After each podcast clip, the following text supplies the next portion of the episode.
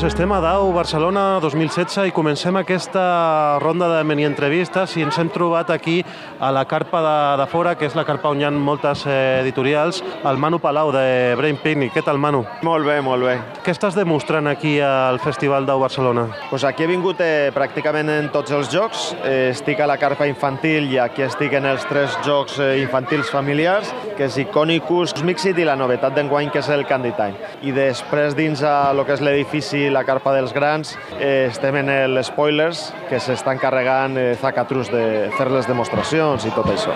A veure, la gent igual es sorprèn perquè t'haurà escoltat en altres entrevistes i escolta altres podcasts i tal, i diu, parla català, parla valencià, per, bueno, perquè tu ets de València, no? Soc valencià del nord, soc de Benicarlo, però visc a Madrid. I parlant de llengües, també, abans fora de micros, hem estat parlant que l'anglès el domines força bé i això t'ha servit per poder llicenciar els teus jocs fora d'Espanya, no? Quines llicències has fet dels teus jocs? L'anglès sí que m'ha anat molt bé perquè el mercat espanyol és prou menut. Així que si estàs buscant un futur dins d'este món, sí que fa falta eh, tirar de fora, tirar de fora de vendre llicències, si se pot, vamos. I bueno, ja s'han venut unes quantes. L'any passat una editorial coreana va comprar els drets d'Iconicus i Mixit. Van traure el Mixit en seguida, en, en uns sis mesos, i jo crec que ja van per la segona edició, per lo menos, i ara té que sortir l'Iconicus. Tinc la fetxa de que l'Iconicus polac surt al febrer, sé que està en marxa una edició de l'Iconicus també en italià i està per ahí pendent la coreana i la xina. I estos coreans també han comprat el dels caramels. El dels caramels de moment l'han comprat ells per a lo que és Corea, Xina, Japó i uns quants països més i després l'ha comprat també eh, l'editorial polaca Grana per a Polònia, Lituània, Bulgària, no sé, uns 8 o 9 països. Així que sí, l'anglès ve d'allò més bé. Són jocs que millor aquí no tenim massa presents perquè l'editorial és petita, després parlarem una mica de la distribució perquè és el problema que tenen les petites editorials de col·locar els seus jocs als prestatges de les eh, botigues, però igual estan fent soroll possiblement igual més fora que dins d'Espanya, no? Crec que ho començaré a veure ara. No sé si l'editorial més gran en la que ha arribat a, un, a fer un contracte és Grana, Grana jo crec que ja és una editorial prou potent, segur que té una capacitat de promoció infinitament més gran que la que jo tinc així, així que veurem eh, quin soroll fan en el joc dels caramelos. Tinc molta curiositat, me fa moltíssima il·lusió cada vegada que veig un joc editat fora i tinc moltes ganes de veure el soroll que arriba a fer grana en els caramelos. Segueixo parlant una mica de l'Iconicus perquè he vist al Facebook de Mandu Games, de, dels coreans, que van compartir que era un joc que estava com a una tria de gamificació educativa de la UNED. Què té el joc de potent perquè estigui en trobades de gamificació a nivell universitari? La veritat és que és molt curiós perquè jo vaig començar fent jocs educatius, que eren els que venien dins de la sandwichera, i en el moment en el que vaig decidir deixar una miqueta a un costat el tema educatiu i enfocar-me en un joc més lúdic, més divertit, eh, va sortir l'Iconicus, i el curiós és que és el que ha tingut més recorregut dins del món educatiu. El gasten els psicòlegs per una qüestió bàsica, perquè treballes directament les emocions, però també el gasten molt a les acadèmies d'idiomes per a desenvolupar temes de conversació. Vull dir, ha tingut un recorregut molt llarg. El que passa és que aquest recorregut, tant els psicòlegs com els professors, no són massa actius a internet, no comparteixen els recursos que gasten. Vull dir, eh, tot el que me trobo, me trobo més per casualitat que per una altra cosa. I a vegades te fiques a internet i busques eh, Iconicus, a veure què surt. I va sortir un curs de la UNED eh, que gastava jocs i havien inclòs Iconicus entre els jocs que gastaven per a, per a un curs de ludificació. I bueno, pues, quan trobes coses d'estes li, li dones una miqueta de repercussió tu la que pots i, i com esta editorial coreana em segueix a mi, pues, acaba la UNED i el, la notícia de la UNED i l'Iconicus pues, acaba a Corea i a tot el món. D'Ibrahim Payne és un sinònim de dir Manu Palau, no sé si estaràs d'acord, però l'espoilers vas dir, mira, el coedito amb Zacatrus i és un joc una mica diferent perquè no és per cinèfils, perquè perquè els cinèfils haurien vist les pel·lícules, sinó que té unes pel·lícules ben estranyes. A mi m'agradaria que expliquessis una mica el procés de creació d'aquest joc i de documentació. Vas saber de veure totes aquestes pel·lícules, prendre punts, d'on les pillaves aquestes pel·lis d'internet, perquè no seran fàcils de trobar i tot això que ho expliquis com a curiositat. Ja portava temps en ganes de fer un joc de preguntes.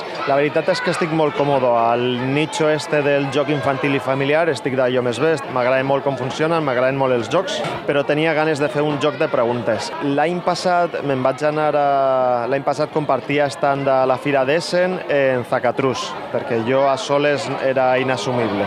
Ens vam anar en furgoneta i eren quasi 20 hores de camí des de Madrid a Essen.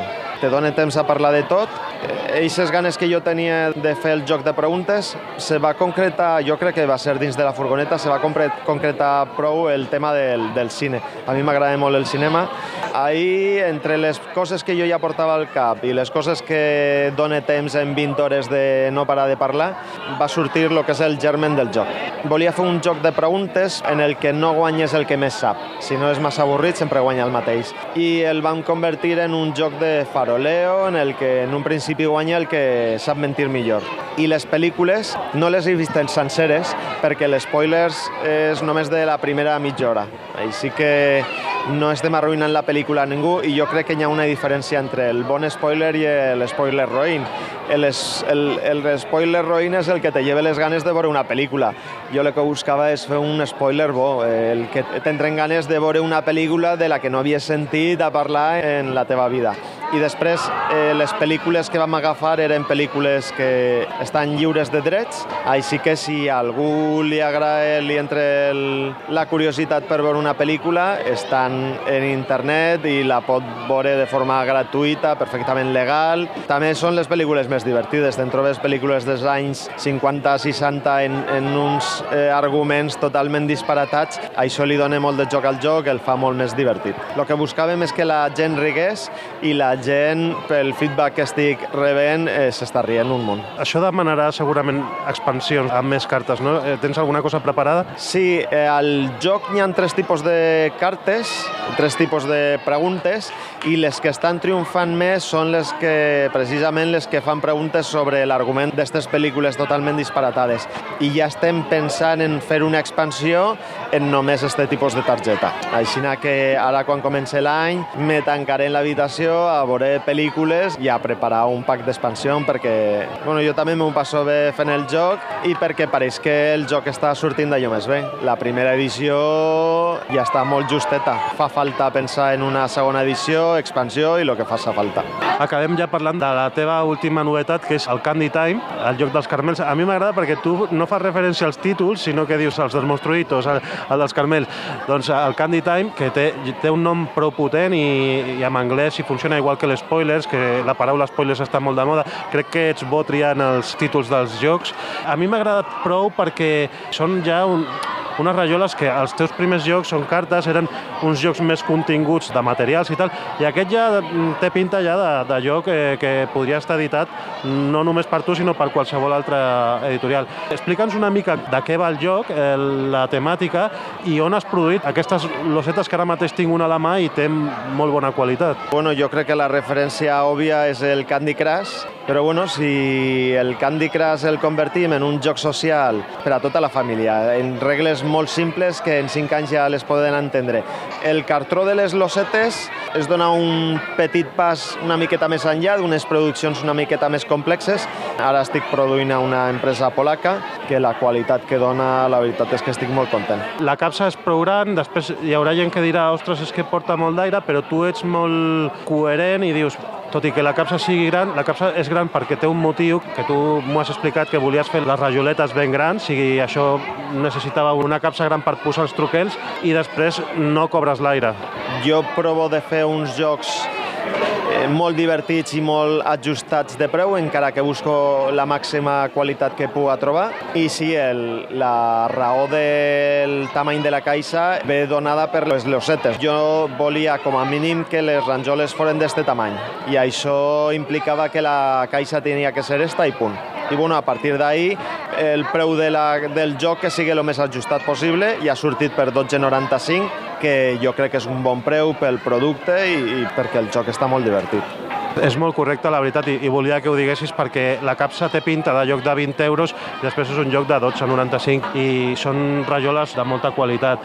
El tema és que un monstre no, o o un dolent ha partit els carmels en dues meitats i els nens i els jugadors adults també poden jugar, han d'intentar ajuntar les dues meitats bones de, de cada carmel. I el joc funciona, dura uns 10-15 minuts, eh, t'estic veient fent demos aquí, sembla ser que agrada bastant. Gràcies Manu, et deixo que segueixis fent demos perquè t'estan demanant. Vull dir que sóc fan del podcast, vull dir que l'escolto des de fa molt de temps, me pareix jo que el que faig són jocs familiars infantils, eh, la, la veritat és que és el podcast podcast ideal perquè toca aquest tema i des d'un punt molt familiar que no fa falta que coneixes tots els jocs del món per a disfrutar del podcast. Doncs moltes gràcies, Manu, i et deixem treballar. Molt bé, moltes gràcies a tu, home.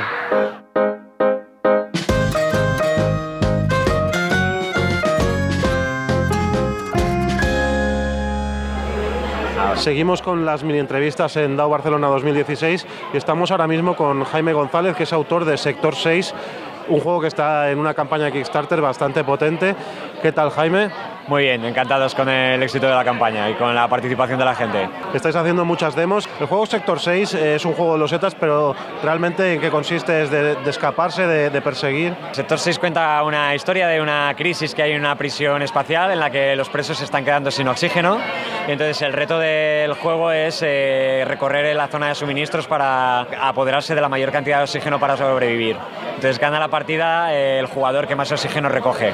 No es un juego que aparezca así como un champiñón en Kickstarter. Mirad la campaña porque realmente es espectacular y los add-ons y todo lo que, lo que pueden añadir. Pero realmente es un juego que yo conozco porque lo testé cuando fue finalista en Granollers hace ya un par o tres de años. Desde ese momento hasta ahora, ¿habéis añadido alguna cosita al juego? Bueno, aparte de corregir algunas cuestiones de mecánica, en esencia el juego es el mismo, pero sí que hemos añadido un extra que le daba un fondo estratégico importante. Bueno, en esencia el juego lo que hacemos es rotar las losetas de un laberinto, son hexágonos, y ahora las, las, paredes de estas salas tienen un sistema de engranajes que en ocasiones cuando tú rotas una loseta puede que haga rotarlas de alrededor. Esto le te hace que el, laberinto sea más dinámico y que tengas que planificar más tus movimientos. ¿Para qué tipo de jugadores consideras que sería Sector 6? Pues mira, nació el juego como un juego de estrategia, es un abstracto que tiene bastante profundidad, aunque de reglas es muy sencillo de aprender, tiene bastante fondo porque tienes que planificar mucho, pero tenemos eh, diseñado varios ajustes de dificultad y hemos probado el juego con chavalines de 6-7 años en su versión más sencilla que va sin rotaciones y demás, pero el juego completo es para aficionados a la estrategia, pues gente que le puede gustar ajedrez o juegos similares. Quien se acerca a la campaña de Kickstarter, eh, Sector 6, que lo, ya digo que lo veáis, eh, es espectacular las miniaturas que estáis presentando y algunos add-ons como versión en, en solitario que también se podría jugar añadiríais idiomas y todo esto. La campaña realmente eh, la estás llevando tú, te estás eh, apoyando en, en, alguna empresa que te esté ayudando porque está muy bien diseñada. Como todo prototipo y como todo proyecto, eh, uno empieza solo, pero un buen día Dracoidea se interesó por él y estamos colaborando con bastante éxito. Dracoideas, como ya sabéis, maneja muy bien las campañas internacionales y bueno, pues por mi parte he hecho todo lo posible porque el, el producto sea lo más atractivo y la verdad es que trabajamos muy bien juntos y a la vista está que nos ha sorprendido incluso a nosotros. Tenemos que reconocer que sabíamos, intuíamos que se podía financiar, pero, pero conseguirlo en siete horas, desde luego, no, estaba, no era un escenario que nos estuviésemos planteando. En solo siete horas, ¿qué crees que es eh, lo que más ha llamado a la gente? Y también, si tenéis ya datos de qué países está llamando más la atención el juego. Lo que más ha llamado la atención es que, bueno, el juego lo estuvimos moviendo bastante tiempo, lleva dos años moviéndose por eventos y y al final le hemos dado un toque estético temático muy interesante. Creemos que el tema de las miniaturas ha sido atractivo, hemos apostado, aunque el juego son solo 25 dólares, eh, estamos apostando por el tema de las miniaturas porque le da un valor que sabemos que a muchos jugadores les llama la atención. Bueno, en cuanto a las cifras, nos ha sorprendido también bastante que la campaña solo un 40% está financiada por, por españoles, el resto es de fuera Concretamente en Estados Unidos, que es uno de los mercados que más cuesta entrar, estamos hablando de ya de más de 230 juegos que vamos a, a enviar a América. Supongo que ahora estás muy liado con todo el tema de la campaña y también aquí haciendo demos, o sea, eso no lo olvidas, a, a, aunque salgas por Kickstarter, no te olvidas de, de, pisar la calle, pero ¿algún proyecto futuro como algún otro diseño de juego? Aparte de seguir con Sector 6, que aunque parece que está financiado, todavía queda mucho recorrido y queremos seguir mostrándolo y para enseñar a la gente y que todo el mundo lo conozca. Yo para el año que viene ya sí que estoy con otros proyectos, el que el más inmediato es Mini Tank, que ya eh, lo he mostrado en alguna feria, es una especie de ajedrez de tanques de la Segunda Guerra Mundial. También en el mismo ambiente estratégico, un poco más duro, pero, pero creo que bastante interesante. Me has dicho fuera de micros que una ayuda importante la tuviste desde Ludo, que te ayudaron bastante con algunas ideas y tal. ¿Crees que es decisivo que algún autor forme parte de, de un grupo de, de, autores que se den feedback entre ellos? Mi experiencia personal es que Ludo es imprescindible para hacer eh, juegos hoy en día. Todos lo, la mayoría de los autores de ahora estamos empezando porque bueno, pues esto apenas existía hace 10 años y en Ludo lo que te aporta es la experiencia colectiva de todos los demás. Siempre eh, te surgen dudas o cometes errores que otras personas ya han pasado por ellos y eh, están dispuestas a ayudarte. Entonces es fundamental que cuanto antes te pongas en contacto cuando estás haciendo un juego con personas que están en la misma situación que tú porque vas a avanzar mucho más rápido y vas a tener una crítica mucho más real. Pues perfecto, ya lo saben otros autores que está esa red de autores que se llama Ludo y te dejo porque tienes gente esperando para probar el, el proto que habéis traído aquí. Bueno, proto es, es, bastante ya definitivo, viene incluso con miniaturas y tal. Veo que están esperando y mucha suerte con las demos y mucha suerte con la campaña. Pues gracias a vosotros por el seguimiento que hacéis de la campaña y a ti por colaborar en el testeo.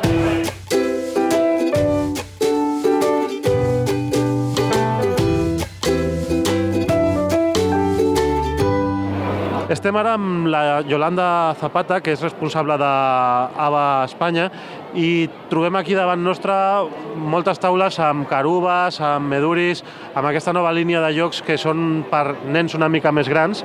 I m'agradaria primer preguntar-te com està funcionant aquesta nova línia, aquesta nova família de jocs. Què tal, Yolanda? Hola, molt bé. Mira, aquesta família de jocs, que nosaltres els diem els Family Games, eh, van començar l'any passat, vam introduir tres jocs, i aquest any han sortit tres jocs més. I la veritat que, per exemple, aquí al festival hem portat Caruba i Meduris i són uns jocs que estan funcionant super, super bé. Sempre hi ha les taules plenes, Caruba és una mica per tots els públics, Meduris seria una mica més complicadet, la partida una miqueta més llarga, però la veritat que tots dos estan funcionant molt bé. Fins i tot a Caruba eh, estàveu posats al programa del DAU que fèieu un campionat. Ja s'ha celebrat aquest campionat. Què tal ha anat? Doncs mira, ahir vam fer el campionat, eh, van participar unes 100 persones aproximadament i amb aquest campionat va, va guanyar un noi que es diu Héctor Lacalle, Després vam fer un sorteig amb tots els participants i també bueno, vam tenir aquí el guanyador i la veritat que tots els participants ens van, bueno, van recomanar el joc, realment el van puntuar molt alt però estem aquí en una part que teniu a la part de fora el nou Dauet, que és la part per, per jocs més petits, i també estem veient gent que està al terra jugant amb, amb un joc per nens molt petits. Des de quina edat treballeu vosaltres els jocs? AVA treballa tota la línia que és de fusta des dels 0 anys, diguéssim, des del bebè, però el que són més joc de normes eh, des dels 2 anys. I llavors els jocs de 2 anys tenen peces molt més grans, els daus grans, amb una dinàmica molt senzilla, i en tenim uns que estan posats amb una catifa al terra on pràcticament els jocs van sols. O sigui, els nens poden jugar tranquil·lament sols, jocs de pesca, jocs de pilar... El groc és el vostre color insígnia, fins i tot les samarretes. Això és una decisió d'empresa? Continuareu treballant amb el groc o teniu lleugeres excepcions, que alguna ja en sabem? A veure, per exemple, el Family Games eh, ha marxat del groc perquè vol ser una línia molt diferent al que és la línia infantil d'AVA, que està, bueno, la seva característica és que és el groc, no? La taca groga és el que identifica AVA. Dintre d'aquesta taca groga infantil de 2 a 12 anys, més o menys, tenim alguns jocs com Unicornio d'Estello, que li han donat el punt rosa, més ensucradet, però que ens funciona molt bé, i algun altre joc que té doncs, un color més groc i una línia que tenim que és de països d'Europa, del món, que és Terra Kids, que té uns tons més marronets, però eh, diguéssim que el 95% pràcticament és el groc, el predominant. Així hi ha recomanacions ja de cara a aquest Nadal per franges d'edat, més o menys, ja que les treballeu ara des de molt petits amb la nova línia de Family Games a més adults, què ens podries dir, lògicament, de la vostra empresa? Mira, d'aconsellar jocs, per exemple, d'adults, evidentment Caruba, per tots els públics, tothom que tingui nanos a partir de 10 anys o així inclús només jugant adults, penso que és un joc 10. Meduris, per qui li agradi una miqueta més, bueno, sigui més elaborat, partides més llargues d'hora, hora i mitja. I en quant infantil, el Frutal és un clàssic és com un fons d'armari. Unicornio Destello a les nenes, ho he de dir així, sap greu, però a les nenes els hi encanta. És un joc de recorregut molt maco. Dragones de Fuego, el fet que hi hagi un volcà, que surten uns rubís, és molt espectacular. Eh, Super Rhino, és un top ventes també. Després tenim algun altre joc més Código Secreto, 13 més 4, que és més doncs, de, de fer operacions matemàtiques, però funciona molt bé. Danza del Huevo, és que quasi que podria seguir i anomenar-te com uns 20 jocs, no? però jo, jo crec que bueno, amb aquests més o menys la gent es pot fer una idea. Si ja coneixen aquests, arriscar-se amb les novetats que estan sortint que, que funcionen magníficament. Vam parlar fa un dia que la vostra empresa treballa molt la fusta i que hi havia millor una petita excepció amb la danza del huevo que és goma, però bueno, per la gent que no conegui AVA, per què aquest tracte tan especial i tan acurat amb la fusta? AVA és una empresa de manufactura de fusta. O sigui, ells treballen la fusta de boscos sostenibles i tota la fusta que arriba la treballen molt bé, la, la tenen tota ben tallada, perquè no tingui cantos vius, o sigui, tot el canto és arrodonit, tot està molt ben polit, tota la pintura són, és, és a l'aigua, per tant no és tòxica i tot pot anar a la boca i tenen especial cura amb tot això. Tant des de bebè, per això un nen de mesos es pot posar una peça de fusta d'ava pintada, se'l pot posar a boca sense cap mena de perill. I el tema ecològic, els boscos són d'aquests sostenibles, no? I, I són fins i tot europeus, no? Sí, són, són europeus. La majoria és Alemanya i tenen alguna coseta a Bulgària, però la majoria és a Alemanya mateix. Doncs ja sabeu, pares preocupats pels vostres fills, pel medi ambient. AVA és un bon recurs. Eh, jo et desitjo molt bona campanya i bueno, que continuïs fent demos i que vagi molt bé. Moltes gràcies a tu.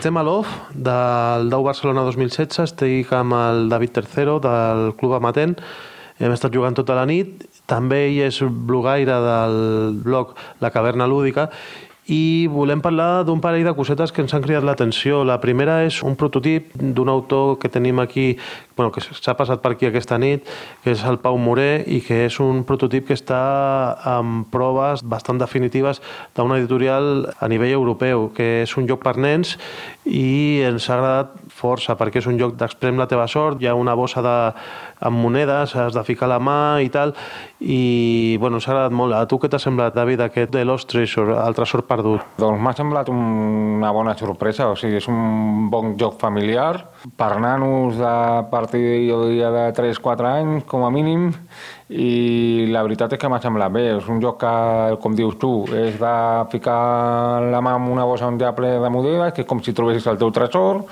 si de l'engrapada que fas engrapes una, una moneda dolenta, doncs no agafes monedes. Si engrapes i agafes una monedes bones que no tinguin cap dolenta, doncs la, la tens una capsa que és la pròpia capsa del joc que té per ficar cada, cada jugador la seva ranureta per fer la, la guàrdia de les monedes i a partir d'aquí pues, van passant els torns i al final qui té més monedes és qui guanya. Hi ha unes bonificacions i unes cartes i la veritat és que m'ha agradat bastant perquè és molt ràpid d'aprendre i eh, té bastantes coses positives pels nanos, tant com és el tema de la sorpresa de les monedes, el tema de comptar-les, positives conclusions del prototip del joc del Pau. Hi ha unes monedes que són de color negre en aquest prototip, que són les que, si un treu el puny ple de monedes, obre i hi ha alguna d'aquestes, eh, aquestes monedes avisen el vaixell de pirata fantasma, que és com l'amo del tresor original, i s'apropa cap a la illa, que és el que accelera al final de la partida. És una idea molt bona, li deia en broma al Pau Moré, dic, això sembla com una mena de de tebas per a niños, no? Mi primer tebas, eh, de ficar la mà a la bossa i de treure i tal, i és el factor emoció, això d'arriscar. Segurament, si teniu nens que són molt conservadors, agafaran dues, tres monedes al principi, després ja veuen que, que es poden arriscar una mica més i agafar més monedetes i tal, i allò que és molt simpàtic i esperem que tingui sort amb aquesta editorial i que, i que surti de cara al 2017 i hem provat moltes coses, hem jugat al Hit Z Road, hem jugat al Pandemic Tulu, al Gran Hotel Àustria, eh, al Candy Time, hem jugat també el meu prototip, però una de les coses que volíem comentar eh, a destacar era l'Unlock, que ens hem fet el print and play de l'aventura tutorial d'Unlock i és un joc que emula els escape rooms i que sortirà per Asmodee, ara ha sortit només en anglès i en francès és novetat total i l'he portat aquí per provar-ho, m'he fet jo el print and play i tal i, i l'hem estat provant amb la moda dels escape rooms, eh, a tu què t'ha semblat, David? Jo, la veritat, no he fet cap escape room, diguem, de mida real, sí que mm, he vist les mecàniques dels escape rooms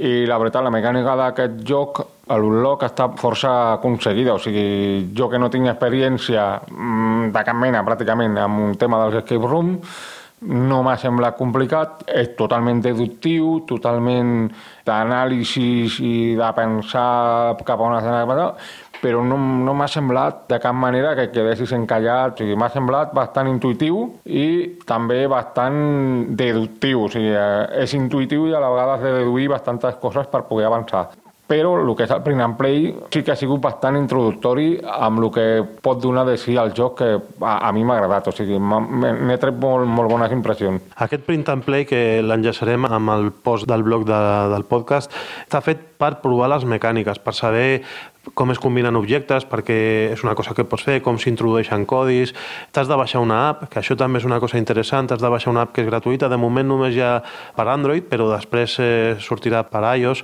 i està bé perquè l'app, a part de ser el, el cronòmetre que va cap a baix, també és on has d'introduir els codis de les diferents aventures. L'aventura que hem jugat nosaltres es diu The Elite i representa com que et criden a una, a una entrevista de feina, però quan arribes al lloc et deixen tancat i, i has d'intentar sortir.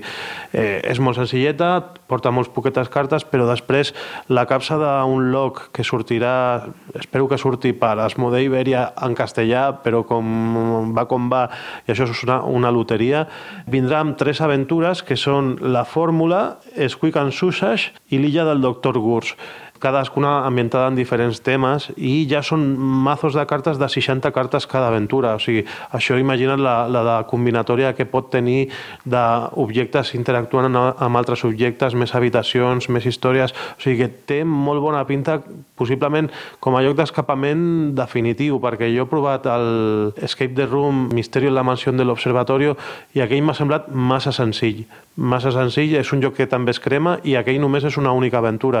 Aquest està proposant tres aventures, es crema també, però crec que té més, eh, més bona pinta i és jugar en equip, eh, normalment es tria un jugador que és el que ha de buscar les cartes en el mazo perquè s'han de fer petites sumes, no? L'únic inconvenient que li veig, que no és un inconvenient, és també passa molt en molts jocs, és la predisposició dels jugadors. I també que els jugadors han de ser honestos, perquè no val anar mirant cartes a Ventura o anar repassant cartes a Ventura, sinó perd totalment la, la gràcia i, i l'objectiu del joc, que és fer-nos donar-li una miqueta més al cervell per donar-nos aquesta aventura que és la, la de sortir o trobar la solució a, a, a lo que ens proposa el joc.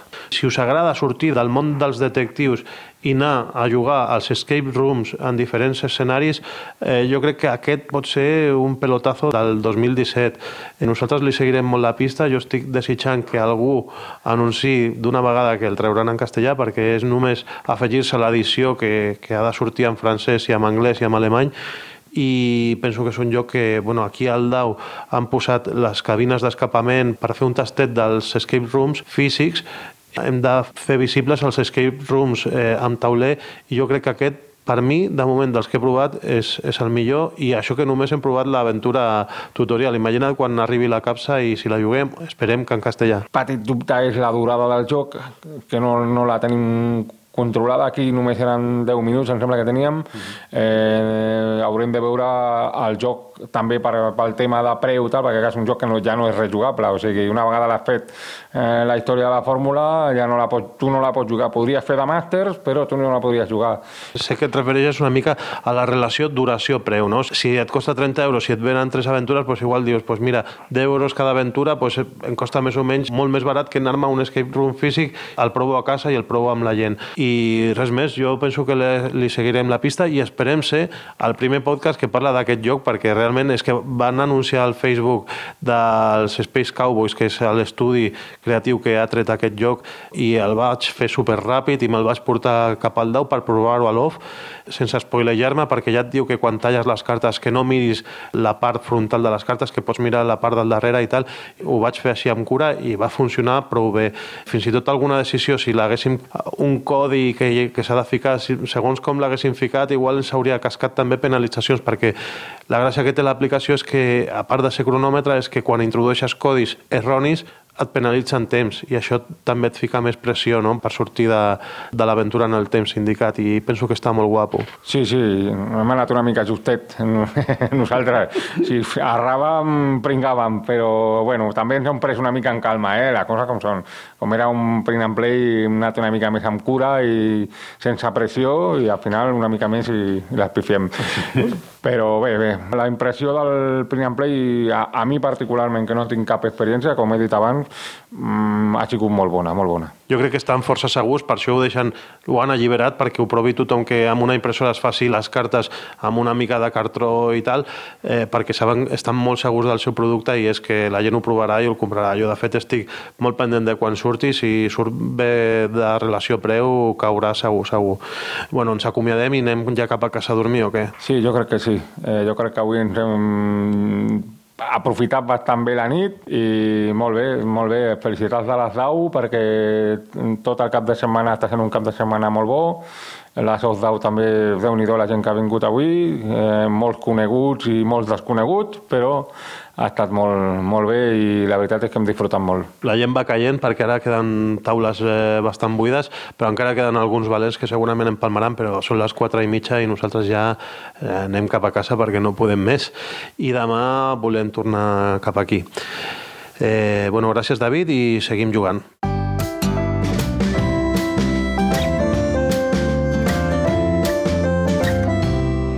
Seguim amb les mini-entrevistes que estem fent pel DAU Barcelona 2016 i estem amb la Paula d'Escape Master que tenen instal·lades aquí unes màquines d'arcade molt especials. Eh, hola Paula, explica'ns una mica què és això. Hola, bon dia. Doncs les nostres màquines d'arcade és una proposta nova que fem de, des del tour d'escapemaster.es, un tour de set room escapes en viu que hi ha a Barcelona, i són unes màquines eh, en viu. Tens 10 minuts per escapar de la màquina. Juguen parelles, un jugador està tancat i l'altre està fora, i comunicant-te eh, podem completar els puzzles escapes de la màquina. Aquest Escape Master el formeu diferents eh, Room Escapes físics, que esteu a Barcelona. Eh, podries dir qui sou i com està anant també l'experiència de que la gent prova i després vol anar al, al físic? Sí, els set jocs que formem al Tour d'Escape Master són Enigmic, Ho Enigma, Cronològic, Proyecto Target, Escapa si puedes, Rooming i Habitació 73. Aquests són set jocs, eh, set jocs de qualitat que tenen molt de reconeixement i aleshores hem volgut eh, fer tot aquest tour per oferir una experiència molt, molt completa als jugadors. Aleshores, la, la millor manera que se'ns va ocorrir de fer això és aquest minijoc d'arcade que serveix com un mini entrenament. Aleshores, quan comences ja en el primer joc del tour, tens tota la dinàmica ja per la mà, tens eh, el treball en equip fet i pots sortir més, més ràpid i disfrutar millor encara l'experiència. Potser ens hem avançat una mica i parlant dels room escapes com si tothom ho coneixés, però nosaltres que, que juguem a jocs de taula i tal, hi ha versions de room escape a tauler, però hi ha gent que igual acaba de terra en aquest món. Podries explicar d'on ve aquesta tendència i en què consisteix el room escape? Sí, el room escape s'afegeix al room escape en viu, ara és l'opció aquesta en físic, perquè originalment venen dels videojocs. Són jocs que s'ha tancat en una habitació, que clicant objectes correctes pots superar puzzles i superar els nivells. I en viu és el mateix, però això, a la vida real. Estàs tu tancat en una habitació de veritat, en unes instal·lacions decorades, i tens un temps límit per escapar, normalment una hora i és aleshores buscant, trobant pistes amagades, sabent utilitzar els subjectes amb enginy que pots escapar de l'habitació. No, no tothom ho aconsegueix. I és això, en el mini entrenament de la màquina arcade eh, és el mateix, has de superar els nivells de la màquina arcade, és un videojoc en viu, que has de tu utilitzar els subjectes i utilitzar-los. I a l'arcade, eh, aquesta versió que heu portat aquí al Dau Barcelona, un jugador es tanca dins de la màquina i l'altre està fora, interactuen, però no és una mica claustrofòbic o la gent no s'espanta una mica? Eh, és el punt que té d'emoció. Està tancat dins de la màquina i l'altre company des de fora que només tens la, la pantalla enmig que no pots arribar a tocar. A més hem afegit uns cascos amb una música que precisament no relaxa per tal que la comunicació sigui encara més difícil. I aquí es posen a provar les habilitats de la paciència, la concentració, comunicar-te amb mímica i és, és el punt d'adrenalina que fa que l'experiència sigui completament nova. De fet, hi ha jugadors que ja han jugat al Tour, però igualment venen a provar les màquines perquè és, és molt diferent i molt divertit. Aquests que eh, s'animin i facin el tour dels set room escapes de, que teniu a Barcelona, quin incentiu tenen perquè quan se'ls han passat tots hi ha algun premi, un reconeixement? El reconeixement que tenen al completar el tour és que aconsegueixen gratis el seu premi una samarreta d'Escape Master. És una samarreta que no es pot comprar. Només l'aconsegueixes quan has fet els set jocs de la Room Escape i que t'otorga aquest reconeixement, com deien, d'Escape Master. Eh, veig que esteu triomfant, que fins i tot hi ha cua i esteu donant hora. Això ha estat així durant tot el cap de setmana? Sí, estem supercontents perquè tant dissabte com avui diumenge hi ha molt d'èxit. Tothom vol provar les màquines, tothom els vol quedar dins o vol estar fora amb el joystick i bueno, estem, estem supercontents perquè volem repetir l'experiència perquè està, està agradant molt, hi ha molta gent encara que no coneixia el Room Escape en viu, o sigui que està sent molt útil l'experiència. Doncs molt bé, Paula, et deixo treballar perquè teniu cua on hi ha les màquines i moltes gràcies per explicar-nos-ho. Moltes gràcies a tu.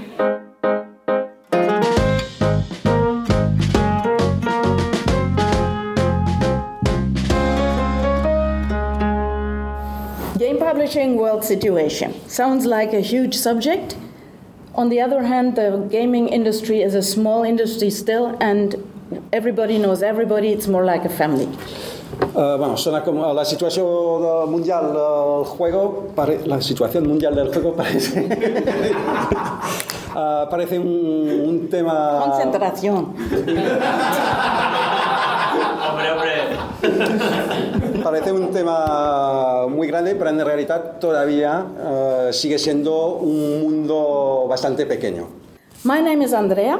I'm from Germany, and I'm part of this industry since 1995. Uh, bueno, me llamo, o se llama, Andrea, es de Alemania y está en, el, Industria. en, la industria desde el, desde el 95. Um, this was the same year the Settlers of Catan was awarded Game of the Year in Germany, and that is when I started to be in the in the gaming industry. Before it was only books, because Cosmos is also a book publisher, or is was a book publisher much more than a game publisher, and Catan brought Cosmos into the international gaming industry. So, 95 fue el año cuando Catán ganó el premio del Spiel de Jahres y ella estaba en, eh, en Cosmos trabajando, pero Cosmos entonces hacía libros, editaba libros y empezaron con los juegos con Catán y ella empezó en este momento. The right, the right place at the right moment. Exacto. Un, pi- un po- a little bit of luck. Un, un poco de suerte, ha tenido suerte de estar al buen sitio al buen momento. It was it was with Catan, and then that the games um, perception also changed. It was more like games is only for children until then, even uh, in Germany, and uh, that was at the time when the, the category of German games was established, which today I learned today is called Eurogames. Ah, en esta época es cuando también empezó a cambiar la percepción de los juegos, que hasta en- en Alemania incluso ah, se consideraban los juegos para los niños y con Catán empezó a cambiar la, la percepción. Y lo último que has dicho, the last uh, thing you've said. The, the category of German games and Eurogames was that the Ah, sí, y que ahora ha establecido una, un- una etiqueta de juegos que, eh, que ahora llama- llamemos Eurogames. It was students and gaming groups and a lot of people that met to, to play games at the time that were the, the strongest motor for Catan as a game to grow and to build as a brand. Of course, also because it is a good game, still is one of the best known games and today a modern classic. Y empezó con los grupos de estudiantes y gru- grupos de, de gamers, de, de- jugones, y por eso se, extendió, pero sobre todo, claro, el juego no deja de ser un buen juego, y por eso se, pues, se, puso, se pudo eh, imponer la, marca Catán, empezar a, a poner la, la marca Catán. So as I said, I was lucky to have been given this brand in my hands, and I it took me. Well, I was with Cosmos for 19 years, but it took me about 10 years to build this brand internationally um, and to bring it where it is today, including selling it to De Beer in 2000. I think that was when we started to work with De Beer on Catan. So this is uh, my relation to the Spanish market. Ah, entonces tuvo la suerte de, de- de tener esta marca en- entre sus manos Uh, trabajó 19 años con Cosmos, le costó 10 años poner el Catán en el mercado internacional y en 2000 es cuando conoció De Beer y, y empezaron a vender De Beer en España. Y es uh, desde entonces que conocía el mercado español.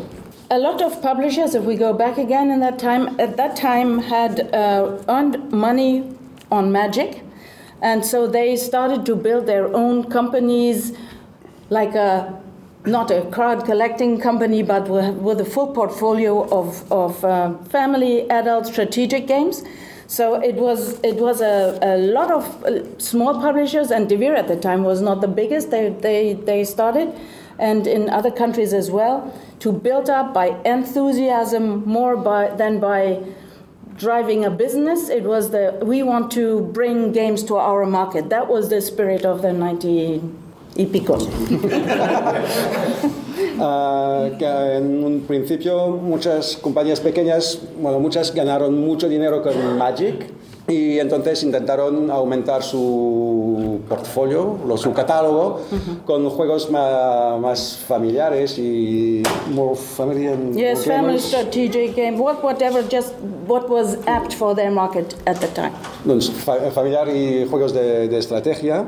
Mu- Muchas de estas compañías trabajaron sobre todo con en- entusiasmo, con entusiasmo Yeah.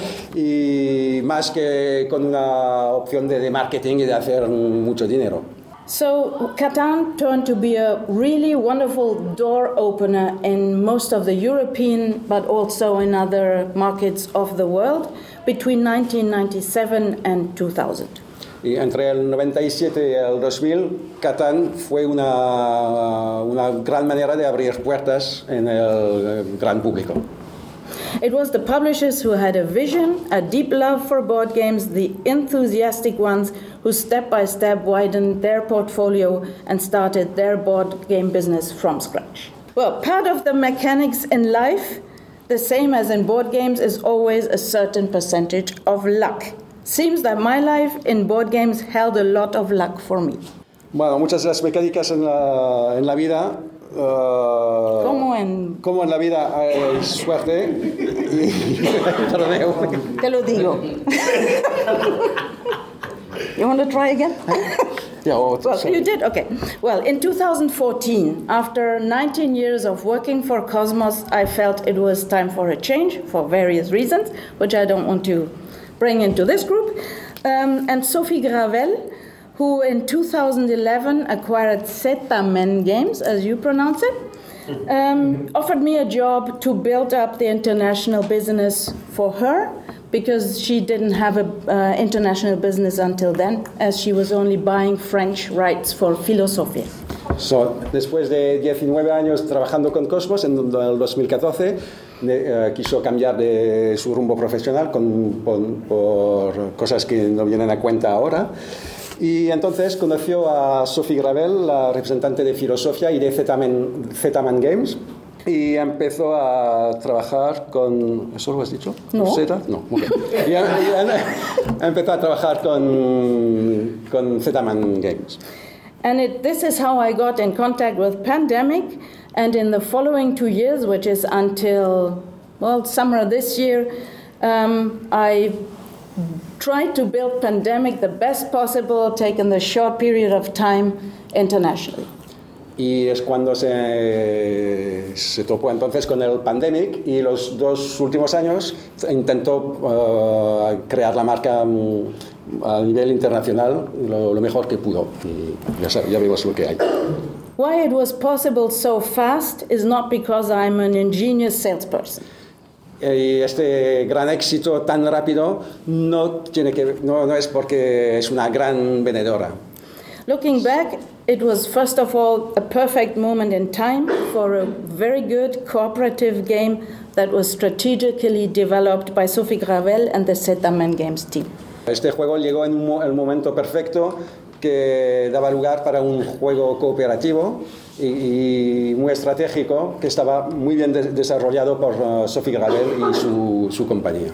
Secondly, it was possible because of the existing worldwide network of publishers that was built over the uh, that worked so hard over the Catan years, if I want to call that that, like in the, the past 10 years. Y la, la, la, segunda cosa que hizo esto posible fue que el juego, eh, el mundo del, del, juego estuvo ya muy, uh, las, las las redes eran muy desarrolladas eh, internacionalmente y esto también ayudó a que se propagan tan rápidamente la, el juego. Many of those publishers who started then, today are very well established publishers. They built their companies, created their individual, unmistakable portfolios with a good mix between licenses they buy from other people and their own games designed by local designers for their specific markets. Muchos de estos estas editoriales uh, en el, entonces en el 2014 ya estaban muy, muy establecidas y podían crear eh, sus juegos pro, propios y de desarrollar mercados propios en cada, cada, país. Y todo esto ayudó al desarrollo de la, del juego. So, as these two brands I was allowed to sell, it was a lot of people, uh, publishers that sold Catan, now also sell Pandemic because they, I, they knew, or I knew, if they can sell Catan and have built their platform, Pandemic is a perfect add to that um, publisher's portfolio. Y entonces todas las editoriales que publicaron al Catán, entonces la, la, conocían a ella y ella sabía que podía contar con estas empresas que ya tenían la capacidad, si han podido vender al Catán, podrían también vender al Pandemic igual de bien. In the case of Spain, it's a little bit different because uh, previously Homolúdicos had a pandemic and the time when I was starting to work for, um, for Sophie, De Veer bought Homolúdicos, so I was back with De Veer and Catan and Pandemic. pues con, con, a España pasó un, un, poco diferente que otros países. This is not in my papers. No. I made that up now. Porque cuando De Beer compró Homolúdicos, al principio fue Homolúdicos que tenía la licencia de Pandemic y De Beer compró Homolúdicos en el momento cuando ella empezó a trabajar con Sophie Gravel y con el Pandemic. Así, así que volvió a trabajar con De Beer uh, como, como para el Catán. Um, well, just a little ad in 2015, Sophie also acquired Plaid Hat Games with a strong brand and with a lot of potential Dead of Winter.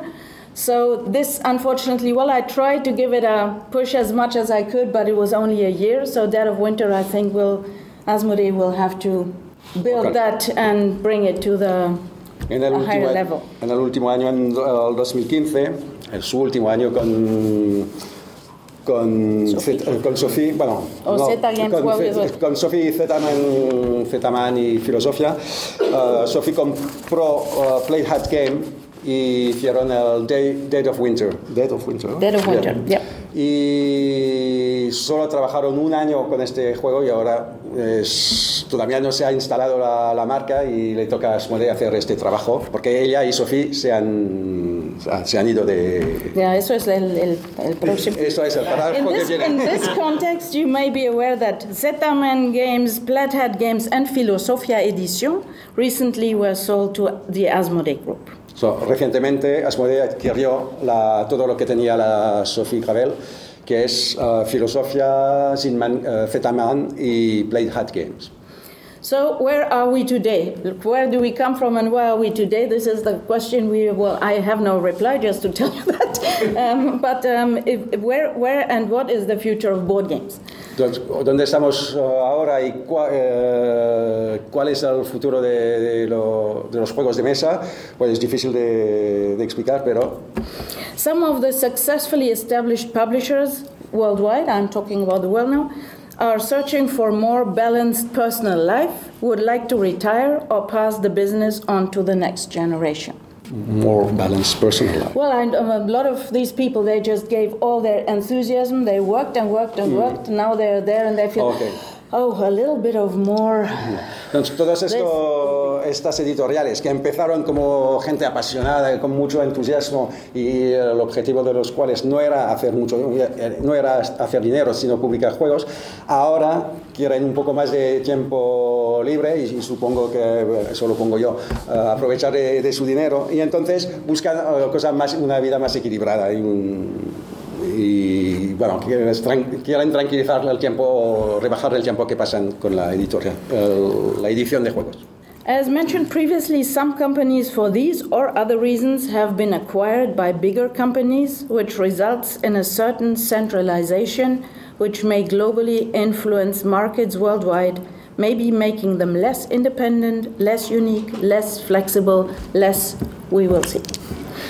Uh, por eso, últimamente se ha, se ha, visto que cada vez más uh, compañías grandes compran estas pequeñas editoriales y entonces eh, vemos una centralización de, del mercado que cada vez se, se, hace menos independiente, menos único, menos flexible y menos, ya veremos qué.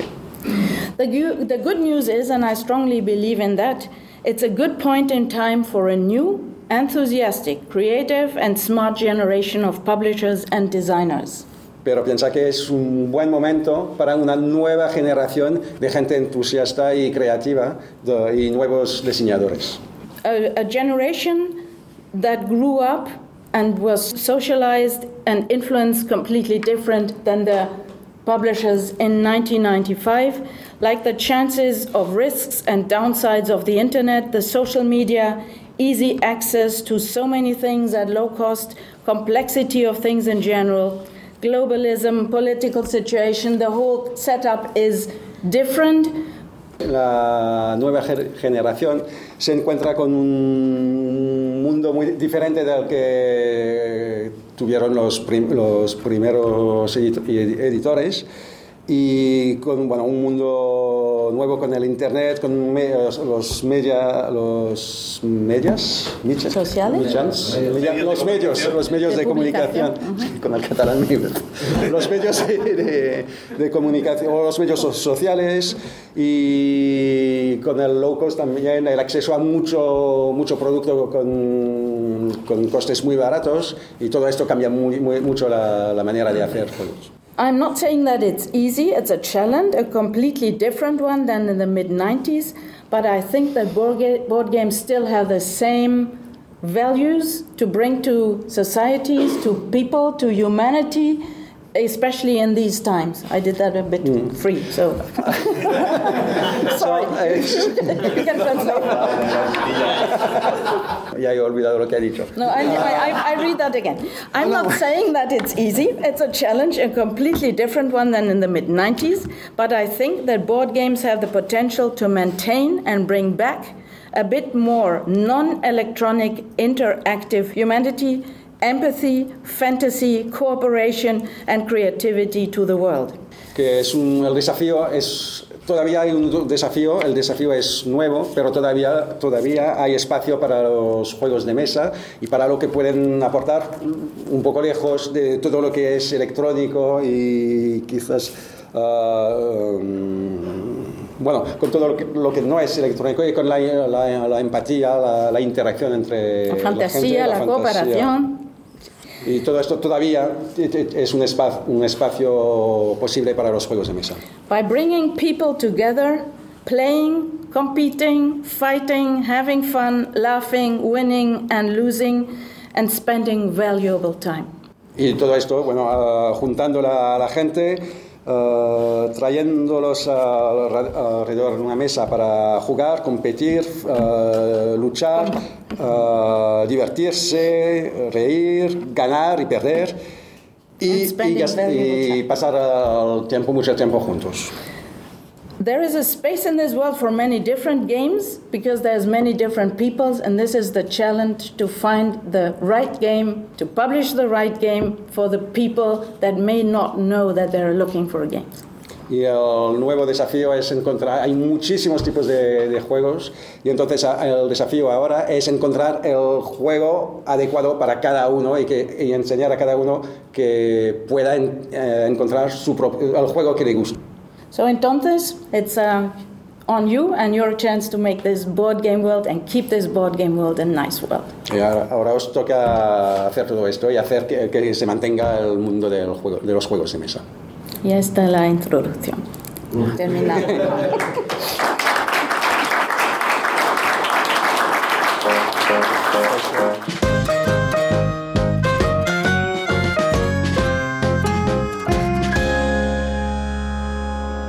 Seguim a Dau Barcelona, estem amb els eh, que eren vigents campions de Pandemic Survival fins ara, el Cat Team, la Sara Pardo i el Jordi Garriga. Hola, Sara. Hola, què tal? Bona tarda ja, Jordi. Hola, què tal? Bona tarda. Bueno, ha estat França la, la guanyadora d'aquesta edició. Eh, com heu vist la partida? Com heu vist aquest, aquest escenari? Ho portàveu preparat d'alguna manera? Eh, com ha estat la cosa? Doncs al principi hem pres unes decisions que després no ens han beneficiat gaire, més bé ens han perjudicat i això ens ha fet que anéssim una mica per darrere i hem aguantat fins al final, però no ha pogut ser. Ara podem dir-nos els sots campió. Us vau classificar ahir dissabte al matí. Va ser fàcil classificar-vos? No, sempre totes les partides són molt complicades, sempre són molts nervis, al final pues, és un campionat que són 20 persones, al final hem quedat segons i bueno, està molt bé. Totes les partides molt difícils, molt lluitades. La final quantes taules éreu d'un inici? Perquè al final quedàveu dos taules, suposo que els altres han anat palmant, no? Sí, vam començar 21 equips i entre les semifinals d'ahir es classificaven 6, llavors avui hem començat 6. Han anat morint 4 fins que ens hem quedat nosaltres amb els francesos i ja està. La propera em diuen que es farà... Bueno, no sé si sap on es fa el proper campionat de Survival. No ens ho han dit oficialment res. O sigui, on sigui, nosaltres ho tornarem a intentar l'any que ve, a veure si... Perquè hi ha la creença de que l'equip que guanya és allà on es celebra, perquè com vosaltres vau guanyar i sou de Barcelona, de, pues que s'ha fet aquí a Barcelona, però no sé si és així perquè si no tocaria a França, no? Correcte, sí, potser ho fan a França, ja que han guanyat els francesos. Si haguéssim guanyat nosaltres, potser canviarien de lloc per no repetir, però ara que han guanyat els francesos, jo crec que és possible que ho facin a França. Vosaltres també sou equip o heu jugat també altres jocs de taula, altres campionats mundials, fins i tot, de, sobretot d'Aventureros al tren, de Ticket to Ride. Què us ha donat per preparar-vos campionats? Bueno, ens han agradat sempre molt els jocs i tenim un esperit molt competitiu. Pues suposo que junt les dues coses doncs ens ha fet que haguem participat a tots aquests campionats de diferents jocs. Quantes partides podeu portar, per exemple, d'un joc com Pandemic o d'un joc com Ticket to Ride? Home, del Ticket to Ride moltíssimes, més de 5.000 probablement, perquè jugant online és molt ràpid jugar i vam estar molts anys jugant. Al Pandemic portem menys poc temps, però potser portem 100, 150 potser. Què és el que li heu vist darrerament al joc Pandemic, un cooperatiu, per tenir aquest factor d'enganxe i de preparar-vos i de... perquè si us prepareu per Pandemic igual no us podeu preparar per altres jocs, per altres campionats. Què té Pandemic? Home, el que ens agrada en realitat és la versió del Pandemic Survival, que és la que competeixes amb els altres. Per entrenar és una mica difícil perquè, clar, només estem nosaltres i llavors anem intentant optimitzar el número de torns que necessitem, però el que ens enganxa és intentar justament això, veure com aconseguir les quatre cures el més aviat possible. Pertanyeu a algun club o jugueu de manera individual a, a casa? No, no pertanyem a cap club. Juguem amb els amics, tot el grup d'amics els agrada molt els jocs de taula i llavors quedem molt per jugar a jocs de taula però sense fer cap club. Al proper Pandemic Survival participareu? I tant. Ara ens continuarem entrenant i l'any que ve un altre cop a intentar-ho. Això no pot quedar així, hem de tenir la revenja. Doncs moltes gràcies i molta sort en propers campionats i molta preparació perquè sabem que és fruit de poc atzar, no? Sí, exacte. Avui hi ha hagut una mica perquè, clar, tu et prepares per coses que passen, que tenen una certa probabilitat i després passen unes altres coses, però bueno, és també la gràcia del joc. Doncs gràcies, Sara, gràcies, Jordi, i això, molta sort en properes ocasions. Molt bé, moltes gràcies a vosaltres. atrás.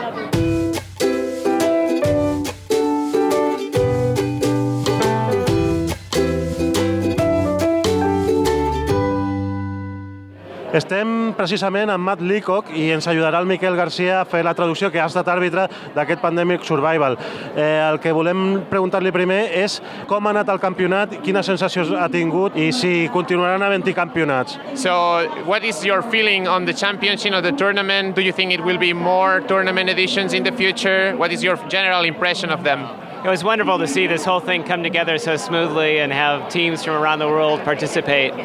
Yeah, uh, so I was very excited to watch it, and we can we plan to continue to do it in the future. Diu que la sensació és molt bona, que tingut, eh, li ha agradat veure com els participants participen d'una manera suau, molt organitzada i molt bé, i que sí que espera que en el futur hi hagi pròximes edicions al torneig. Els campions han estat França, això indica que la propera edició serà a França? So the champions were France in the present edition. Does that mean that next edition of the tournament it's likely to be in France as well, or? Uh, that's decided ahead of time. So uh, next year it will be in the Netherlands. So mark your calendars for I think I don't know it's in the fall or winter of uh, 2017 in the Netherlands. Diu que els calendaris ja estan predefinits, que no és que el guanyador tingui l'edició, sinó que realment l'any que ve serà a Holanda, però ja està decidit abans. I nosaltres tenim un pandèmic Ibèria perquè el campionat es celebrava aquí a Espanya. Tindrem un pandèmic d'Holanda? So he says that uh, we have a pandemic Iberia because the championship was held here in Spain. So does that mean that next year we'll have pandemic Holland because it's going to be held in Holland? Uh, nothing has been announced yet, but your intuitions are very good. diu que res és oficial, que no s'ha anunciat res, però diu que la intuïció és realment bona. Què té d'especial el format Pandemic Survival? Eh, vull que em parli una mica dels escenaris. So what's so special about the scenarios of Pandemic Survival? Uh, well, they're designed, so we make sure we put them together so they're exciting and so that there's good competition that um, you, you're always guessing what's going to come next, uh, but you can use all of the skill that you, you gain from practicing. So, bàsicament, la idea dels, dels escenaris que estan predissenyats, com ja sabeu, és que estiguessin ben balancejats, que hi hagués un bon balanç perquè la competició sigui bona, sigui fluida i sigui bona entre els, entre els competidors, però que tot i així que puguis utilitzar totes les habilitats que, bueno, que pots fer practicant amb el joc. Parlem de Pandemic Legacy, és, segurament estem ja esperant la temporada 2. No podràs fer spoilers, però què creu que pot aportar la temporada 2 de Pandemic Legacy? So obviously we know that Pandemic Legacy season 2 is, is, is gonna come probably next year. So without giving spoilers, is there some any additional information you could you could give? I can say yeah, it's definitely coming in in 2017. Um, I don't have a specific month for you yet. Can, we haven't announced that. Uh, I had a lot of fun designing it with Rob. Um, we enjoyed it very much. Uh, you won't need season one to play it, so you can play it as a standalone game as well. And uh, it's got, you know, it's, it's new. I'll just leave it at that. That's about all I can say. Yeah. Així que diu que encara no saben exactament el, el mes en què sortirà, efectivament sortirà el 2017 i diu que ha estat una experiència molt positiva dissenyant-lo i jugant-lo amb el Ron, el, el, el coautor, i que bueno, esperen que sigui molt bo i que no necessites la temporada 1 per jugar la temporada 2. Aquest tipus de jocs, els Legacy i precisament Pandemic, creu que es podria incorporar més gent al desenvolupament del joc com, per exemple, guionistes de televisió o de cinema? So he thinks that this format, the legacy format, could be expanded so that other authors could come in, and he's thinking authors such as screenwriters or screenplay writers because of the narrative story, right? Yeah, I think that's really interesting. The format allows you to really tell a story over multiple games and have twists and turns and things like that. That it was the first opportunity that I, could, I had to really build a game with story. So it'll be interesting to see what people do with it. Diu que efectivament que seria molt interessant eh, perquè és la seva primera experiència vull dir, anant més enllà del, del joc i, i, i afegir-hi la narrativa. No? En, aquest, en aquest sentit sí que estaria bé veure quines són les possibles contribucions d'altres autors. I hem vist barrejat Pandemic eh, amb Tulu, Pandemic Ibèria, amb quins altres gèneres es pot barrejar eh, la franquícia Pandemic? We have been a lot of thematic implementations of Pandemic. We have been Cthulhu, we have been uh, dif different others. So he's wondering what other types of genres can be implemented with a Pandemic uh, uh, game. That remains to be seen. I mean, it's been fun to look at different regional versions of it to see what would happen at different times uh, in history in different locations. Uh, I'm not really sure. We'll see what uh, people are still interested in. It's fun to explore. Certament sí que hi ha moltes possibilitats de fer-ho, no? Hi ha diferents èpoques històriques, hi ha diferents jocs geogràfics on, on sí que es podia explorar, però bueno, que això encara està per veure, no? que és el que es pot fer realment. I ja per acabar, Matt Leacock no només és pandèmic, té altres jocs, té jocs de paraules, si està treballant en altres projectes fora de la saga Pandemic. So Matt Leacock is, is known for the Pandemic uh, games, of course, but he has other games, like uh, word games, etc. So we were wondering if you have other projects aside from Pandemic. I do. I had a recent game called The Chariot Race come out. Uh, came out last uh, October, and uh, I've got a kids game for little kids, like six and seven year olds, uh, called uh, Mole Rats in Space, coming out uh, this next month, I think in February. And there's other things in the, in, um, that I'm cooking up as well. sí que diu que té altres projectes, uh, té projectes Chariot Race i també altres projectes per nens uh, i en particular està treballant amb un que es diu uh, Mallrats, Mallrats in Space, ara mateix no sé molt bé com es tradueix, però que, bueno, que sí que està treballant amb altres, amb altres projectes. Doncs eh, ja ens acomiadem, digue-li que moltes gràcies per venir fins i tot al campionat i per muntar històries com aquesta i, es, i, i escenaris i, i mogudes com aquesta que ha estat molt gran fer-ho aquí a Barcelona. So we just simply want to thank you for the time uh, of interview, of course, but only also for coming here and making the scenarios for the tournaments so that they were very exciting and for the time that we spent playing your games. Great, thank you. It's my pleasure to be here. Bueno, gràcies. Diu que gràcies, que moltes gràcies. Un plaer, sí.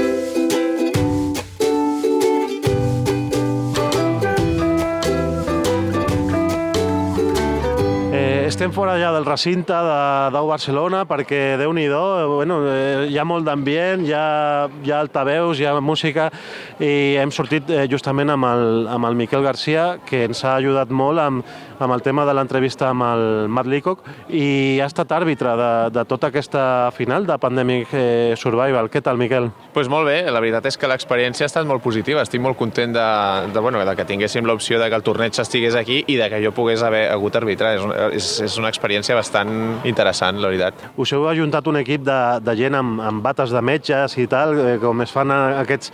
perquè hi ha una mica de paripé també per donar-li una mica més de dramatisme al, al joc. Eh, éreu tot colla d'aquí o us heu barrejat amb un equip internacional? No, eren, eren, o sigui, eren bàsicament colla de, de Barcelona i Rodalies. Hi havia, hi havia una associació, Stronghold Games, que era bàsicament el, el gros de tots els, de tots els, els, els referees o els àrbitres. Després hi havia gent d'altres eh, associacions lúdiques, hi havia també dels de Crític, d'aquí de les Corts, estava gent també de Matent, de Sant Vicenç dels Horts i, bueno, per part meva, del de Roscador de Sant Andreu de la Barca. El que he vist és que eh, han portat, per exemple, l'speaker, la que anava dient els contagis i les cartes i tot això, era de fora, no? Eh, I ho feia molt bé, també. No, no, l'speaker era, era la Gemma de Stronghold Games, era de l'Associació Catalana. Sí, sí, després hi havia la noia de, de Zeman Games, que ara és Asmodí, que era una mica, que també feia una mica de paripé, anava ensenyant quin era el rol que s'estava jugant cada torn, ficava cullerada, i aquesta noia era de Canadà, però la Gemma, que era el Game Master, que és el que anava donant les pautes, traient les cartes, aquesta era, era, era de Barcelona, és, és de Barcelona, vaja. Eh, doncs m'ha sorprès molt perquè, perquè li ha sabut donar un punt d'espectacularitat, però no de frivolitat, que és el que mereix el joc. Hòstia, jo la felicitaria si, si la veies, perquè i semblava que, que venia imposada per Sidman per lo bé que ho ha fet. No, no, certament sí que ha estat molt divertit, eh? I, i ho feia superbé, i jo, jo em divertia molt escoltant-la, però i és veritat que té molt, molta facilitat per això, sí, sí, felicitacions des d'aquí també, i tant.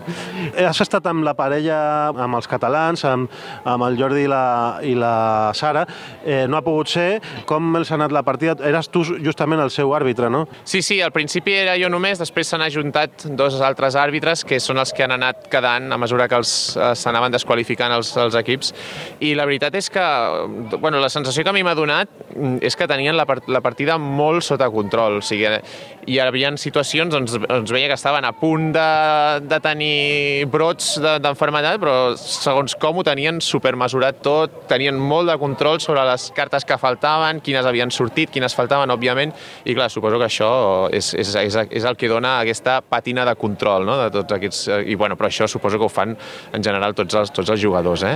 La dificultat d'organitzar campionats de jocs eh, cooperatius és la necessitat d'àrbitres bons i vosaltres ho heu fet possible t'ha d'agradar també ser una mica jutge, no? I, no sé, eh, recomanaries aquesta experiència o ha de ser un perfil determinat el que faci d'àrbitre? A veure, t'agrada el joc segur. O sigui, a veure, jo, jo no sóc molt hàbit, no sóc un jugador molt hàbit de Pandemic, però sí que l'he jugat, he jugat al Legacy i m'agrada, vull dir, està bé, però sí que és veritat que si... Primer ho has de voler fer, òbviament, perquè és bàsicament un rol de jugador passiu. O sigui, és més, més que àrbitre, és, és jugador, jo diria que és jugador passiu, perquè has d'estar superatent a quins són els moviments i, i clar, hi ha situacions a mi no m'ha passat, no? però sí que poden ser una mica incòmodes en el sentit de que quan els, hi ha jugadors que mouen molt ràpid les peces i aleshores, clar, has, has de parar-los i els de dir, aviam, ensenya'm què és el que has mogut, perquè a vegades et costa seguir-los, no? perquè se salten els passos i bueno, és, és, és tant d'explicar què és el que han fet i com ho han fet. Hi ha, hi ha casos que és, és clar i en altres que dius, bueno, espera't un moment, deixa'm analitzar una mica la jugada. No? Però jo crec que sí que t'ha d'agradar el joc i t'ha d'agradar ser de voluntari d'aquestes activitats, si no, pues, pues no. Però jo ho recomano molt, eh? Ho repetiries si poguessis. eh, La propera serà, ja ens ha dit el Mat, eh, a Holanda, eh, però no anirem cap allà, però si ens escolta algun holandès, li recomanaria si ho repetiries tu si poguessis? Sí, sí, sense cap mena de dubte, eh? I tant, i tant. Val, val molt la pena. A més, és eh, una de les coses que més m'ha agradat a mi és, és com és el joc sobre el joc, no? Perquè hi ha el joc base, que és el pandèmic, que en aquest cas és el límite, no? és l'expansió amb, la, amb la cepa virulenta, però a més és tota, diguem-ne, l'estructura que es munta pel, pel fet de ser un torneig a sobre del joc, no? I en particular una de les coses que més m'ha agradat és veure el tema del, del disseny de, dels mazos. O sigui, tots els jugadors juguen exactament al mateix escenari. Les infeccions són les mateixes per tothom. I les cartes de jugador estan ordenades per tots els jugadors igual. I és molt interessant veure com els diferents equips arriben a solucions diferents al mateix problema, no? simplement perquè hi ha, perquè hi ha la incertesa dels jugadors, no? que cadascú té la seva opinió i decidirà un camí o altre en funció de seu càlcul una mica també abstracte i així, diguem, diguem així, a voleo, no? el, o una mica el, el, el, la intuïció que puguin tenir, no? i això és, és molt interessant de veure realment. Però realment un escenari no es pot preparar. Tu, si et diguessin, mira, les cartes aniran així, no ho pots preparar perquè també hi ha l'element de, de remenar cartes, no? de, sempre de pandèmic, que jo crec que és la gràcia del joc. Correcte, sempre hi ha l'element probabilístic, això sí que no t'ho treu ningú, el que pues, l'únic que pots fer és veure què és el que ha sortit, què és el que falta per sortir i en funció d'això anar prenent decisions, no? I després d'haver jugat, crec que s'ha acabat tota la campanya del Legacy, i després d'haver arbitrat eh, la, el- la final mundial de, de Pandemic Survival, et queden ganes de seguir jugant a Pandemic? Sí, sí, tant. Ara, ara de fet, vull jugar la, la, la, vull dir, la versió del Cthulhu, no? Que no l'he jugat i tothom diu que està molt bé i la veritat és que tinc curiositat, no? Hi ha gent, eh, estava parlant amb altres àrbitres que, que també tenien el, el que comentes tu, no? Deien, ostres, després de, de tantes partides, estar un dia sencer aquí mirant partides i estaré del pandèmic fins als nassos, no? Però és curiosament l'efecte contrari, vull dir, és, hòstia, jo també vull jugar ara, no? Tal, Està, està bé, està bé. Sí, sí, tinc moltes ganes de jugar un altre cop. El passar de jugador passiu a jugador actiu un altre cop, no? Correcte, efectivament, sí, sí, sí, i tant. Doncs molt bé, Miquel, moltes gràcies i sobretot també gràcies per la, per la traducció que has fet, que és impecable. Es nota que ets pràcticament bilingüe o que has estat visquent molt, molt temps a, a fora, als Estats Units i al Japó també. I bé, has, has pogut arbitrar també a l'equip japonès i després ara mateix s'acaben d'acomiadar de tu molt afectuosament. Això vol dir que ets un bon àrbitre. Bueno, almenys ho intento, intento ser objectiu en la mesura del possible, no? Però bueno, els, els japonesos sí que són molt simpàtics, no? Després el tema de la foto també ho tenen, no? Es volien fer una foto amb els àrbitres i tal. Molt, molt, molt jans, sí senyor. Doncs gràcies per tot i ens veiem per Sant Andreu, que, que per allà coincidim bastant. Gràcies, Miquel. Gràcies a tu, Miquel. Que vagi bé.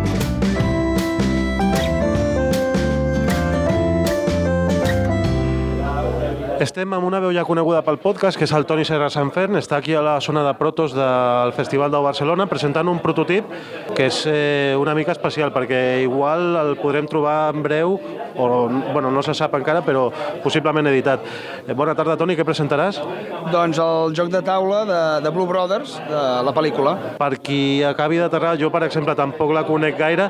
Què és eh, Blue Brothers o quina és l'essència que has intentat també explicar en el teu proto? Blue Brothers, molta gent ja ho sap, és una pel·lícula de l'any 80, concretament, de, dirigida pel John Landis i protagonitzada per el Dan Aykroyd i el James Belushi que narrava eh, la història de dos germans, una mica granujilles, que tenen l'encàrrec d'aconseguir 5.000 dòlars per salvar un orfenat i que no desaparegui.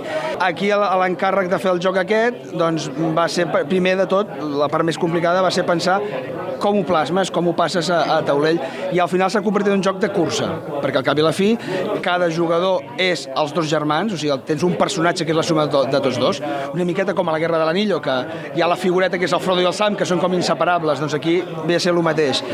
I a partir d'aquí, doncs els jugadors tots, com si visquessin a la vegada en realitats paral·leles, és a veure qui és el primer que arriba al final i entrega més ràpid els 5.000 dòlars en el comptat per pagar els deutes de l'orfenat. Veig molta carta, eh, però també és un joc de, de... La pel·lícula plasmava un determinat gènere musical i, i parlava de la música. Això com, com ho has implementat al teu joc? Doncs en, podríem dir dues maneres. Per un costat, una de les fases que passen a la pel·lícula que, que utilitzen els germans Blues per aconseguir els diners és tornar a contactar amb els seus exmembres de la banda. Llavors, aquí hi ha una de les cartes que hi han són els membres de la banda. Llavors, una de les coses que han de fer els jugadors és aconseguir reclutar els seus antics amics que eren membres de la banda i això ja també dona la sensació que tu estàs creant com una banda musical, no?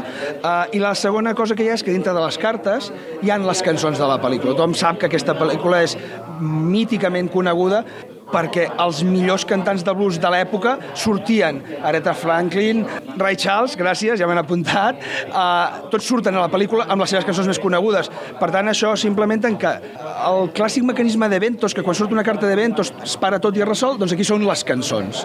Quan surten les cançons es para la pel·lícula i es resol la, la, la cançó. Llavors és aquesta mica d'aplicació d'aquest efecte en el joc. Podem dir, o jo t'he dit, això està signat o sortirà, i em dius que no hi ha signat, però que que tens bastant clar que, que pot arribar a sortir. Eh, es pot dir amb quina empresa, amb quina editorial sortiria? Sí, sí, perquè això és un encàrrec totalment dirigit per l'editorial SD. Ara ja tots ens sona SD Games, ja, ja estem veient el seu catàleg que s'està fent, però aquest encàrrec va començar abans de que ningú sapigués que existia SD Games. Ja fa quasi bé dos anys que estic treballant eh, amb ell i eh, la previsió pot ser 2017, eh, bueno, en principi la, la, la, la intenció és que surti l'any que ve,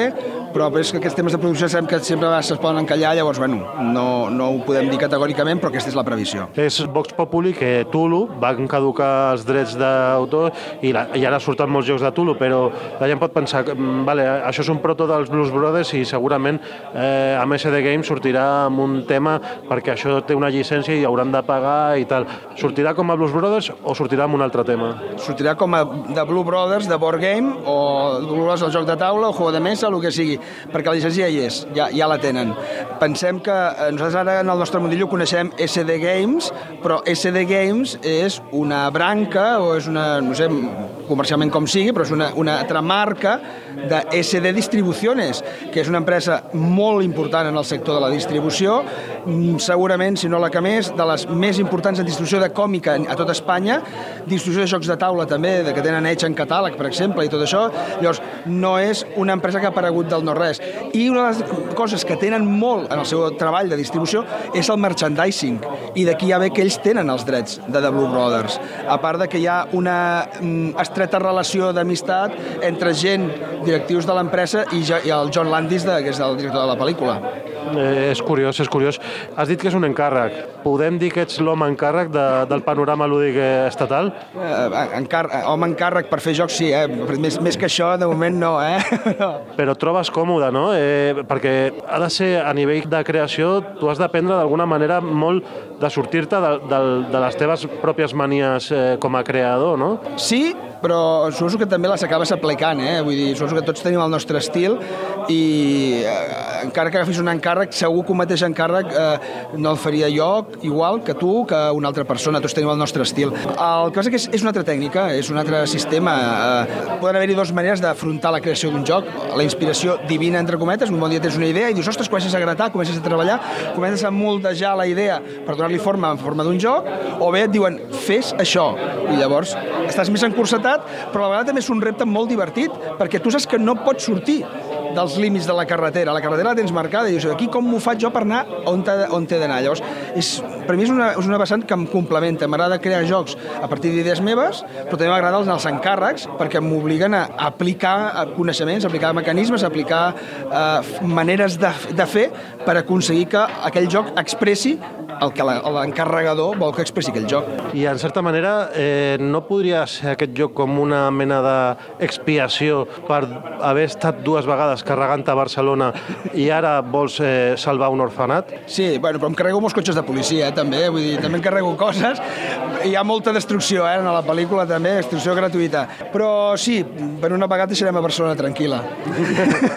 doncs ens has fet ganes de revisar la peli perquè és un clàssic i, i, i, les, i les músiques. Les músiques, sí. sí, sí. No, ara, si, si ets un amant de, de la música, realment eh, les escoltes i quan més escoltes la, la pel·lícula, les cançons, més les estimes. És una pel·lícula, a mi em va costar, difícil, la primera que la vaig veure, i la vaig veure ara per l'encàrrec, que em va costar entendre a l'humor, però quan li pilles i dius, ah, ja t'entenc de què vas com a pel·lícula, és, és, és, és un clàssic, i realment entenc ara que sigui una pel·lícula mítica. Doncs eh, seguirem molt de prop el, el que feu. Et deixem ja fer les proves aquestes de públic, no? Que vol dir que està ja gairebé tot. Eh, últims serveis, no? Sí, sí diguem-ne que això és una miqueta com aquell joc de, que diuen agafa una síndria, tallant la meitat, de la meitat tallant l'altra meitat, llavors en el desenvolupament, a mesura que vas avançant, mai tens la sensació que l'arribes a tenir del tot, del tot, però ja estàs aquella cosa que estàs tallant dècimes, no? Ja, cada, cada, cada prova que fas vas polint, polint miquetes, miquetes, mai pots dir que has arribat a la unitat completa perfecció, perquè sempre poden sortir coses, però sí que arriba un punt que a mi que vas avançant tens la sensació que acabada són poquetes coses, i això també és d'agrair com a autor, que veus que la cosa està funcionant i va, i va quedant quallada. Doncs eh, molt bé, bueno, eh, et seguirem de prop. No sé quant temps pot eh, tenir de desenvolupament, però estarem molt a sobre. Gràcies, Toni. Gràcies a vosaltres.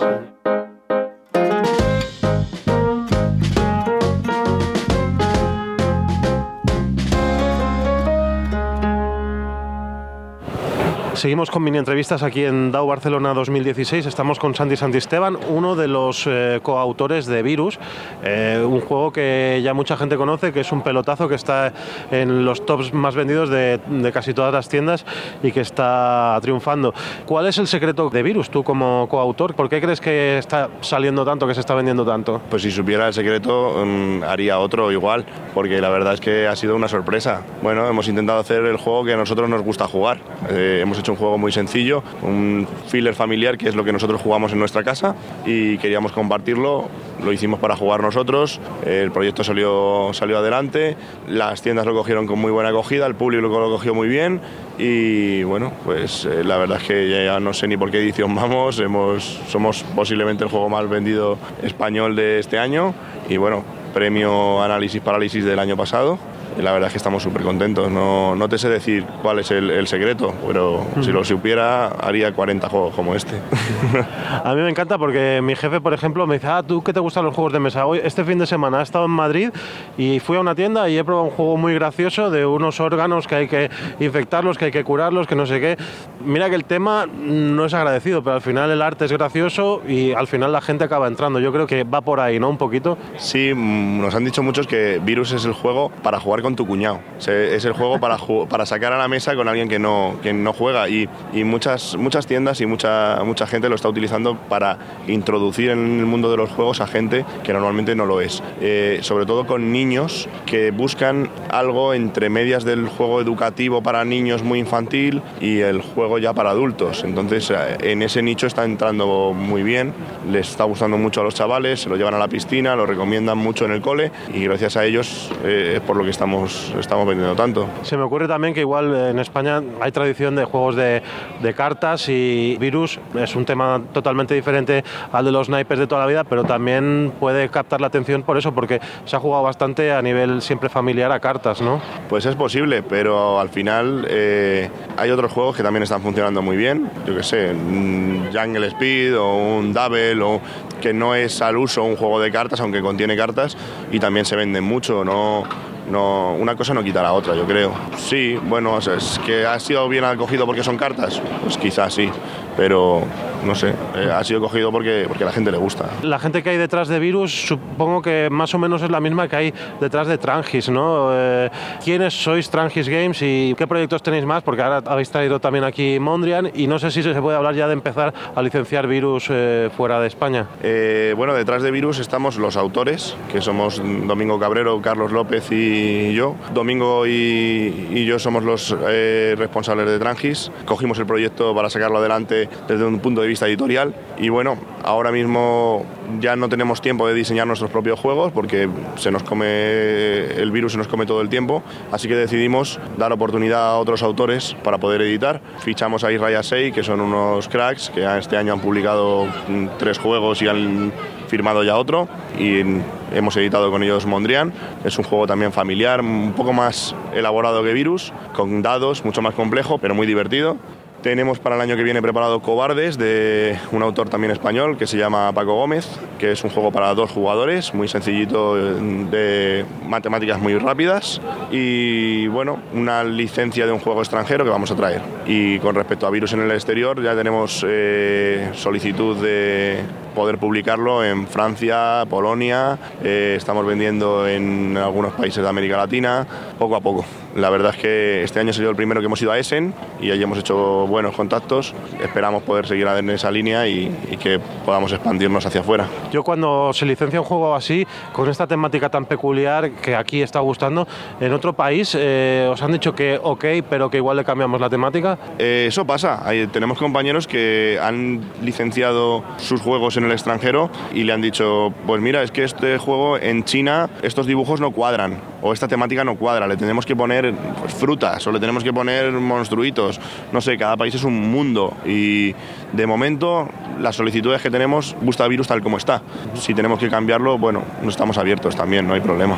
La última pregunta, sí, ya por curiosidad, Trangis, ¿qué, qué significa? Eh, Trangis es una, un lapsus lingüe de, de un amigo nuestro que un día se equivocó al decir una palabra y nos hizo mucha gracia y, y lo acogimos. Y desde entonces, para nosotros, esta noche quedamos de Trangis. Y cuando jugamos a juegos de mesa, pues quedamos de Trangis. Pero ya es, es una tontería que, que se dijo en un- entre un grupo de amigos y, y se quedó. Pues perfecto, muchas gracias Santi y bueno, espero que acabéis de hacer las últimas demos porque ya está el DAO medio acabando y buen retorno a Madrid. Muchas gracias y mucha suerte con el blog.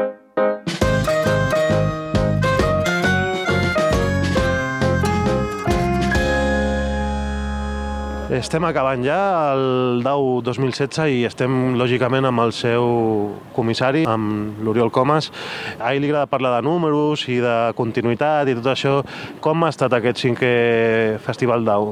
Enorme, enorme per la feina que hem fet. Començo per això, perquè hem fet molta gent, molta feina. Enorme per la quantitat de gent que ha vingut, per les editorials que han vingut, pels milers de metres quadrats que hem ocupat, per les novetats que hem portat al DAO i amb ganes de començar a pensar en el, la sisena edició. Si jo m'hagués de quedar amb una foto d'aquest festival, possiblement seria l'abraçada del Tom Bernek i el David Parlett. Va ser molt emotiva.